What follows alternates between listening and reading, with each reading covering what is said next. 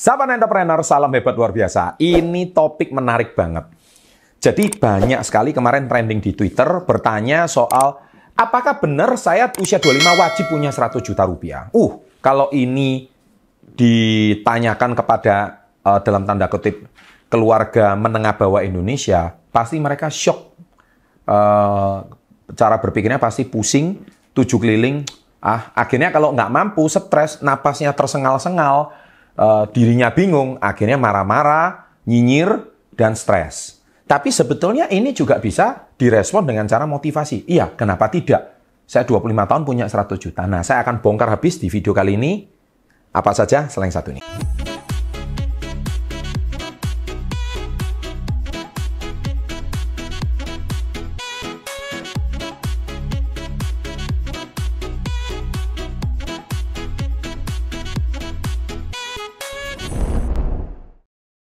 Oke, sahabat entrepreneur. Ternyata topik ini tuh sangat berkaitan erat dengan buku saya, Success Before 30. Dan rupanya saya sudah pernah membahas topik ini sebelum trending di Twitter, itu rupanya di halaman 17. Judulnya saja, Mengapa Banyak Orang Belum Kaya? Saya sudah bahas di sini. Nah, baik, kalau bicara mengapa banyak orang belum kaya, saya eh, sebelum saya ulas ini, saya akan bahas terlebih dahulu Wajib nggak sih 25 tahun punya 100 juta? Sebelum saya bahas, sebetulnya setiap orang di Indonesia saat ini dengan gaji UMR, Anda misalkan gaji UMR itu Anda bekerja di pabrik, bekerja di Alfamart, Anda karyawan-karyawan yang uh, standar gaji UMR aja atau Anda bekerja sebagai supir mungkin, Anda bisa loh 25 itu punya 100 juta asal Anda startingnya usianya mungkin 17-18 tahun. Loh, kok bisa, Pak? Let's say sekarang gaji UMR tuh kota besar 4 juta. Loh, tahu nggak? Kalau gaji UMR Anda 4 juta, maka setahun kan Anda mengumpulkan 48 juta. Dua tahun kan 96 juta, almost 100 juta. Berarti kalau kamu starting usia 23 aja dengan gaji UMR, usia 25 itu kamu sudah pernah mencicipi gaji akumulasi 100 juta.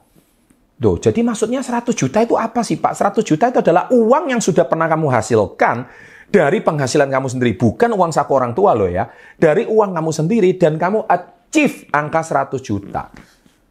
Jadi kamu sudah pernah menghasilkan uang, jadi entah dari jualan online, dari supir gojek mungkin. Intinya kamu berangkat dari nol. Kamu jadi buruh mungkin, kamu jadi pembantu rumah tangga mungkin, kamu bekerja ke luar negeri mungkin, kamu sudah pernah menghasilkan uang 100 juta. Jadi bukan berarti harus ada 100 juta cash atau aset di rekening nggak harus. Intinya kamu pernah menghasilkan uang 100 juta. Nah pertanyaannya, uang 100 juta itu nanti mau dikemanakan? Nah ini yang menjadi pertanyaan. Jadi setiap orang itu kondisinya memang beda-beda.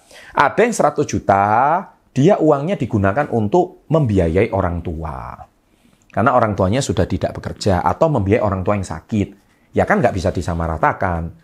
Tapi ada juga yang 100 juta, orang tuanya sudah punya uang, orang tuanya sudah punya rumah, jadi dia menghasilkan uang sendiri, dia nggak perlu mencicil rumah, dia nggak perlu membeli rumah, ya kan? Akhirnya dia 100 jutanya gunakan untuk beli motor pertama, tanpa biaya orang tua.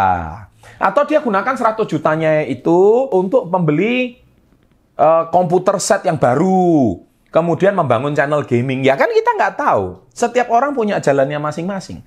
Tapi kalau Anda tanya, apakah memungkinkan nggak Pak? 25 juta itu uh, eh, usia 25 tahun punya 100 juta? Sangat mungkin. Indonesia sangat mungkin. Karena sekarang UMR itu sudah tiga setengah juta sampai 4 juta. Jadi Anda 2-3 tahun Anda bisa dapat angka 100 juta itu gampang banget. Nggak usah jauh-jauh di murid saya komunitas ya saja banyak kok usia 25 menghasilkan 100 juta. Banyak banget. Sangat makanya saya berani membuat channel Success Before 30 karena waktu Anda usia 30 Anda bisa menghasilkan 1 miliar pertama. Itu sangat mudah sekali menurut saya. Bukan saya ngomong sombong, ini masuk akal. Nah, tapi problemnya kalau Anda tanyakan kepada orang yang memang belum pernah dengar kata-kata seperti ini, makanya saya bahas di halaman 17. Saya bacakan ya. Mengapa banyak orang belum kaya? Nah, ini ini ini sekilas di buku saya uh, saya tampilkan ya. uh, pembahasan ini menarik. Sebenarnya ini bisa menjadi bahan perenungan dari 97% orang di muka bumi ini. Mengapa Bukan hanya di Indonesia, satu topik menarik, mengapa saya belum kaya raya? Saya juga pernah berpikir hal yang serupa waktu kecil. Saya beruntung berada di keluarga yang cukup berada. Jadi orang tua saya ini memang cukup berada. Masa kecil telah, tapi masalahnya orang tua saya pernah bangkrut kan, pernah jatuh sehingga kita harus mulai dari nol lagi. Tapi suatu ketika orang tua saya memiliki masalah dalam bisnisnya, jadi saya nggak bisa cerita banyak. Saya sudah bahas banyak di buku Badai Pasti Berlalu, buku satunya. Sahabat entrepreneur, saya mengerti mengapa banyak orang ingin jadi kaya, ingin jadi miliarder, ingin berhasil, ingin menjadi orang sukses. Tapi mereka mengapa tidak saya, mengapa bukan saya.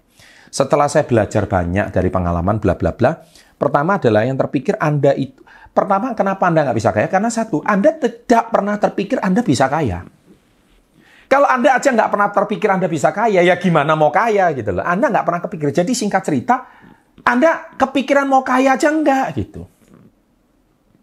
Nah, itu itu mindset pertama. That's why makanya banyak orang belum kaya. Dia ngomong, yang penting hidup cukup, hidup mengalir. Karena setiap orang itu kan dibesarkan oleh lingkungannya. Kalau yang mendidik lingkungannya seperti itu, entah itu lingkungan bisa jadi guru, panutannya, orang tuanya, atau siapa yang mendoktrin dia seperti itu, maka dia akan menjadi produk dari lingkungannya. Nah, kalau lingkungannya mengajarkan setiap orang untuk, ya, yang penting nggak usah jadi kaya raya, yang penting hidup itu bermanfaat. Ya, tapi saya itu bingung. Gimana mau bermanfaat kalau Anda itu nggak punya uang gitu loh. Karena setahu saya orang yang menghasilkan manfaat itu harus ada dana ya, menurut saya ya. Contohnya aja kalau kamu bangun tempat ibadah itu juga perlu duit gitu loh. Kamu mau memberi makan fakir miskin itu juga perlu duit. Kamu mau bangun panti asuhan itu juga perlu duit gitu. Kamu mau zakat itu juga perlu duit gitu. Jadi kamu mau memberikan manfaat itu seperti apa? Kamu mau ceramah aja ngumpulin ribuan orang uh, yang ngasih makan ribuan orang itu siapa? Itu juga pasti ada donatur yang perlu menghasilkan uang. Jadi menurut saya uang memang bukan segala-galanya, tapi segala-galanya butuh uang, Mas. ya, jadi Anda catat itu. Makanya oleh sebab itu, tolong please deh, kalau Anda kepikir kaya aja belum, berarti ada yang something wrong dengan mindset Anda. Makanya justru kalau bisa kata-katanya saya harus kaya gitu loh. Supaya saya bisa memberikan manfaat bagi orang banyak. Nah mindsetnya itu tolong ditanamkan. Oh jangan mimpi kaya lah, makan aja yang cukup. Bukankah gitu? Nah lingkungan kita seperti itu. Nah lebih kurangnya saya bahas seperti itu. Nah oleh sebab itu di... saya sudah pernah bahas itu di uh, Twitter ya. Jadi itu salah satu contohnya. Sampai saya membahas kisah Mike Tyson segala di halaman 20. Makanya Anda baca uh, lengkapnya saja. Nah, kalau Anda tanya sama saya sendiri, saya usia 25, saya mencetak lebih dari 100 juta. Ini sekali lagi bukan saya mau pamer, bukan. Tapi untuk memberikan inspirasi bagi Anda. Saya usia 26, saya sendiri uh, di halaman 144 buku Badai Pasti Berlalu, saya sendiri di uh, usia 30, saya sudah cetak 1 juta US dollar. 1 juta US dollar mungkin uang sekarang 15 M. Sekali lagi ini bukan mau pameran, tapi ini saya cerita pencapaian saya. Ya, Anda mau nganggap saya pamer terserah, tapi yang pasti saya cuma cerita pengalaman saya. Padahal saya usia 22 minus 500 juta. Usia 22 saya minus 500 juta. Gimana usia 25 mau cetak 100 juta? Tapi usia 25 saya zero. Artinya apa? Hutang 500 juta itu lunas semuanya. Usia 25 saya nol. Tapi usia 26 saya cetak 1 M pertama. Usia 30 saya cetak 15 M. Ini beneran. Ya, ini kisah nyata. Ya, jadi dalam sekejap hidup itu bisa berubah. Tapi yang penting mindsetnya dibenerin dulu. Nah, saya sharing ini dengan satu tujuan. Semua langkah menuju 100 juta pertama menuju usia 25 itu semua sudah komplit di buku ini. Makanya kalau Anda, buku ini tidak menjamin Anda sukses, tetapi uh, saya minimal menceritakan langkah-langkah dan pengalaman saya dengan segudang mindset dan kekhawatiran dan kebingungan Anda yang kalau misalkan Anda masih bingung, kenapa setelah Anda buka internet, Anda buka YouTube, banyak sekali pengajaran ilmu-ilmu yang tidak sesuai dengan lingkungan saya. Nah, kira-kira buku ini akan bisa menjembatani. So, ini mind hacking, mindset hacking.